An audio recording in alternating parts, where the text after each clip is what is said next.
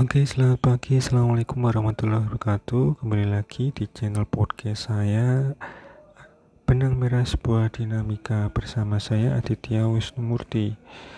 Oke, kali ini saya langsung aja saya akan membahas dan kembali lagi ke sebelumnya yaitu tentang psikologi perkembangan. Oke, perlu diingat channel podcast saya uh, akan membahas banyak hal tentang uh, ilmu-ilmu psikologi ataupun pengembangan diri. Oke, pada episode kali ini saya akan uh, khususnya akan membahas pada periode pranatal dan aspek-aspek apa yang mengikutinya. Oke, kita akan mulai beberapa detik lagi. Oke, baik. Uh, kapan kehidupan dimulai? Apakah ada waktu pada waktu dilahirkan ataukah sudah ada sebelumnya? Nah, itu pertanyaan yang mungkin kita perlu kita refleksi ya, refleksi pertanyaan yang perlu kita pikirkan kalau Anda ingin memahami atau mempelajari tentang perkembangan manusia, perkembangan dan pertumbuhan manusia. Secara biologis, kita hidup itu sebenarnya dimulai pada waktu konsepsi atau pembuahan benar nggak nah tetapi mungkin masih merupakan tanda tanya apakah perkembangan psikologis juga dimulai pada saat itu? Nah benar nggak? Ya itu yang mungkin harus kita eh, refleksikan gitu ya. Terus kemudian ada ada ada aliran satu aliran yaitu homunculus. Itu dalam abad pertengahan mengatakan bahwa perkembangan psikologis itu sudah dimulai pada waktu konsepsi. Nah, homunculus sendiri mengatakan bahwa pada waktu konsepsi atau pembuahan semua telah ada dalam bentuk yang teramat kecil sehingga seakan-akan hanya dapat dilihat melalui satu mikroskop. Oke, perubahan yang terjadi sesudahnya hanyalah bersifat kuantitatif. Nah, ini kalau oh, ini itu tercermin kalau uh, ada semacam lukisan kuno ya ada cerita kalau lukisan kuno yang menggambarkan anak-anak dengan wajah tua dan bagian orang dewasa Oke, mereka dianggap sebagai orang dewasa dalam bentuk kecil. Di waktu sekarang, kita lebih cenderung untuk menganggap bahwa permulaan psikologis itu dimulai pada waktu anak-anak belum dilahirkan. Mulai bereaksi terhadap rangsang dari luar. Reaksi terhadap rangsang dari luar ini telah dimulai sangat awal. Nah, telah dapat ditunjukkan bahwa janin yang ada dalam kandungan pada bulan pertama telah dapat mengadakan reaksi. Ya kita lihat kalau apa namanya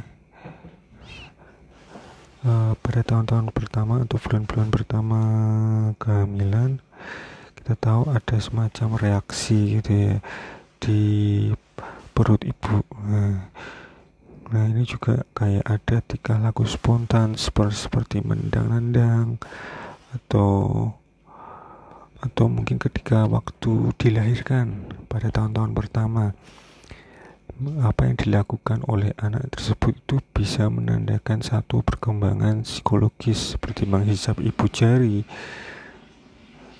ataupun hal-hal yang bersifat seperti kebiasaan. Walaupun secara biologis itu menunjukkan perilaku ya tapi para ahli psikologi perkembangan melihat itu sebagai satu tanda psikologis gitu ya dari sang anak gitu apalagi kalau di dalam kandungan mungkin kita nggak nggak bisa lihat nih teman-teman semua uh, tidak bisa melihat apa perilaku yang ditunjukkan oleh janin di masa kandungan.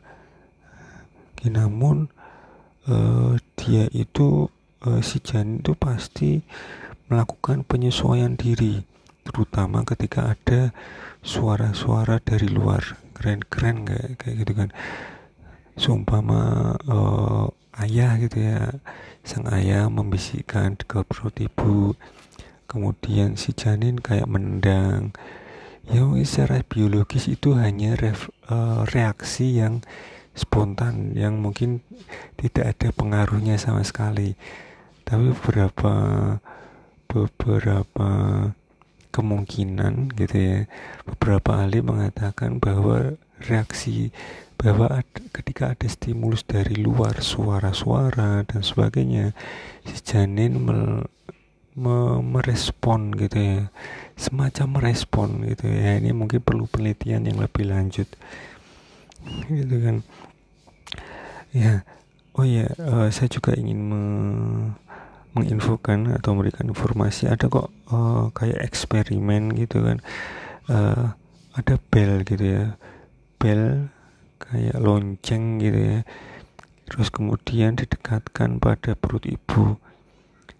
Yang menunjukkan uh, janin itu mereaksi bereaksi ya merespon. Ya, merespon uh, dan dilihat dari detak nadi atau detak uh, denyutnya denyut jantung yang pertama cepat uh, kemudian uh, itu yang mungkin uh, itu yang bisa uh, eksperimen itu yang terkadang kalau kita berpikir ya yeah, ketika dibunyikan uh, semacam kaget gitu ya jadinya. Kalau nggak dibunyikan uh, reaksinya biasa aja lah. Eksperimen seperti itu sederhana seperti itu aja menunjukkan bahwa uh, ada satu perkembangan yang mungkin bisa dikatakan bersifat psikis atau psikologis dari janin seperti itu. Nah, uh, secara biologis kalau kalau udah kembali lagi ke ya kalau kita ngomong psikologi saja kayaknya uh, tidak pas ada baiknya kalau kita sedikit menyinggung uh, perkembangan biologis kita tahu kalau perkembangan biologis pada manusia itu dimulai pada saat pembuahan ya. yaitu pada pembuahan telur oleh spermatozoa atau spermatosoma kalau sper, uh, spermatosoma cowok itu bisa memasuki dinding telur atau ovum wanita terjadilah konsepsi yaitu secara biologis ya kita tahu Hmm, kemudian eh, uh, saya tidak akan membahas secara detailnya uh, perpecahan kromosom dan sebagainya karena bukan ranah ilmu saya mohon maaf. Saya akan lanjut kepada bagaimana urutan perkembangan pada periode pranatal. Ya uh, urutan perkembangannya pastinya uh, tidak akan bisa berubah ya di setiap uh, mana pun gitu ya. Uh, pasti dimulai dari kepala, mata, tubuh, tangan, kaki, alat kelamin, dan berkembang dengan urutan tertentu. Dengan ya, kurang lebih pada usia prenatal uh, juga sama pada semua janin. Dengan perkembangan teratur uh, menurut skema tertentu itu uh, sebelum dan saat sudah dilahirkan merupakan hal yang sangat penting. Nah, Pertumbuhan yang teratur ini dapat dilihat dari kenyataan bahwa semua janin, semua fetus gitu ya, selalu dapat memutar kepalanya terlebih dahulu sebelum mereka istilahnya menggunakan lengannya dengan optimal.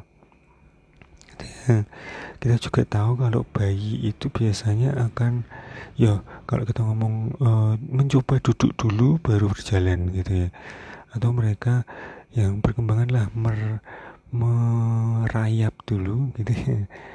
Duduk kemudian bisa berjalan gitu ya. Kemudian lanjut ke bicara terus sampai kepada bagaimana menggunakan motor halusnya dengan baik. Mencoret-coret sampai dia bisa menggambar segi empat gitu ya. Nah e, secara biologis memang seperti itu gitu ya pertumbuhan secara biologis.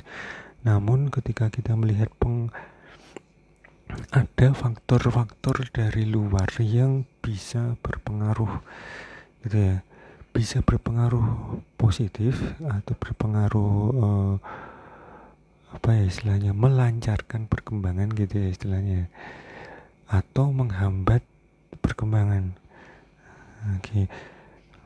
nah uh, saya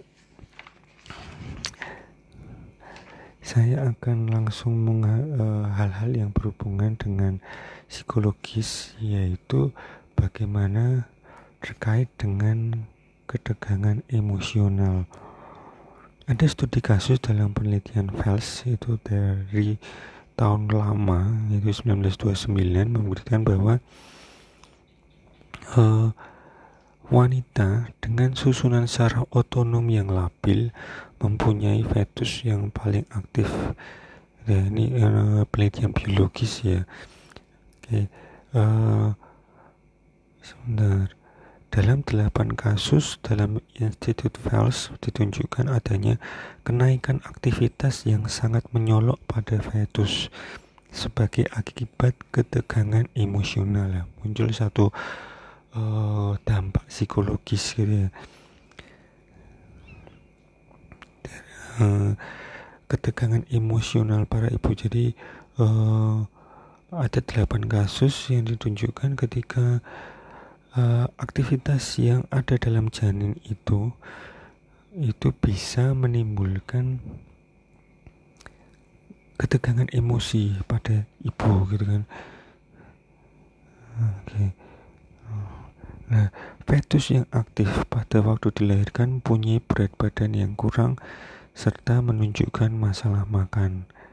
Nah, ada penelitian yang STOT gitu ya, penelitian uh, ahlinya STOT namanya. Itu uh, menemukan bahwa uh, ketegangan psikis gitu ya, dalam dua bulan pertama dapat menyebabkan gangguan sentral. Misal kelainan yang disebut dengan Down syndrome. Nah, mungkin teman-teman uh, sudah tahu ya, sudah mendengar ya Down syndrome. Nah, ini dihubungkan dengan bagaimana ketegangan psikis itu pada dua bulan pertama pada si ibu. Bila ketegangan psikis itu terjadi pada pada periode fetal, yaitu sesudah bulan yang kedua, maka terjadilah apa yang disebut sindrom uh, yang terhambat, keinginan yang terhambat seperti sedikit aktivitas spontannya kurang. Nah, nah seperti itu. Jadi kelihatan banget kalau uh, uh, hal yang perlu diperhatikan kalau uh, berhubungan dengan perkembangan pertumbuhan biologis atau istilahnya aktivitas biologis yang seperti tidak biasanya seperti itu ya tidak biasanya itu akan berpengaruh kepada janin atau fetus. Bisa jadi seperti itu. Gitu ya, ya terutama pada emosional ibu. Karena diceritakan ada beberapa penelitian yang menyebabkan kalau uh, si ibu gitu ya ada si ibu yang mengalami ketegangan emosional pada periode kehamilan itu akan berpengaruh pada perkembangan atau pertumbuhan biologis pada janin. Nah, kalau kita tadi mengetahui Down syndrome itu uh, bisa disebabkan pada ketegangan psikis pada ibu gitu karena sebab-sebab tertentu ya mungkin fisik ibu ataupun emosional ibu gitu kan pada dua bulan pertama. Nah itu bisa jadi berpengaruh pada pertumbuhan si janin. Dan bisa jadi uh, sampai nanti melahirkan seperti itu. Oke, nah ini menjadi hal yang perlu diperhatikan bahwa sikap ibu itu berpengaruh sekali ya, apalagi juga ya uh, janin uh, ada di dalam kandungan ibu gitu kan, nggak mungkin janin di kandungan ayah kan? Nggak mungkin gitu kan, nah, itu akan sangat berpengaruh.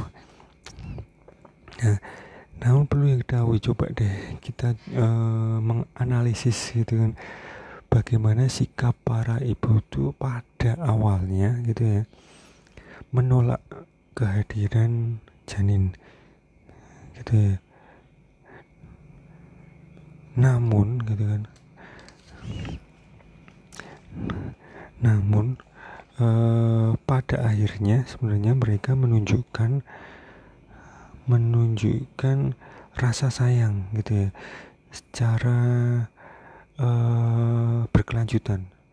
Dalam arti seperti ini ada penelitian uh, sebenarnya dari tahun 57 penelitian tentang gender bahwa uh, lebih dari 90% ada jumlah ibu yang semula semula ya bersikap menolak. Saya tidak mengatakan kalau semua ibu pasti menolak kayak itu tapi pada awalnya mereka pasti menolak itu kan? Semula ada penolakan. Nah, namun akan berubah menjadi sikap yang positif ketika anak tersebut melahirkan. Anak tersebut melahirkan. Anak tersebut dilahirkan. Gitu ya. Jadi kemudian ada penelitian nih. Uh, longitudinal dari ahli bahwa ada sikap sayang dari ibu terhadap anak yang belum dilahirkan dari sikap positif ke sikap negatif atau mohon maaf dari sikap negatif ke sikap yang positif. Dan itu bisa menjadi berubah-ubah labil ya bisa dikatakan itu. Jadi bisa jadi semula negatif terus sikapnya positif atau mungkin sikapnya positif senang banget tapi selama beberapa bulan menunjukkan dia ketidaksukaannya terhadap kehadiran uh, anak itu kemudian menjadi positif lagi. Nah, seperti itu nah, itu menjadi uh, hal yang perlu diperhatikan teman-teman semua terkait dengan perkembangan tahun-tahun pertama pada kehidupan manusia gitu ya dan faktor-faktor yang melatar belakangnya terutama pada uh, terutama pada si janin. Dan uh, saya juga mengulas sedikit bagaimana sikap ibu terhadap uh, kehadiran janin. Oke seperti itu saja uh, berbagi sharing sharing saya kepada anda semua. Semoga menjadi ilmu yang bermanfaat. Saya tunggu diskusinya terutama buat ma teman-teman mahasiswa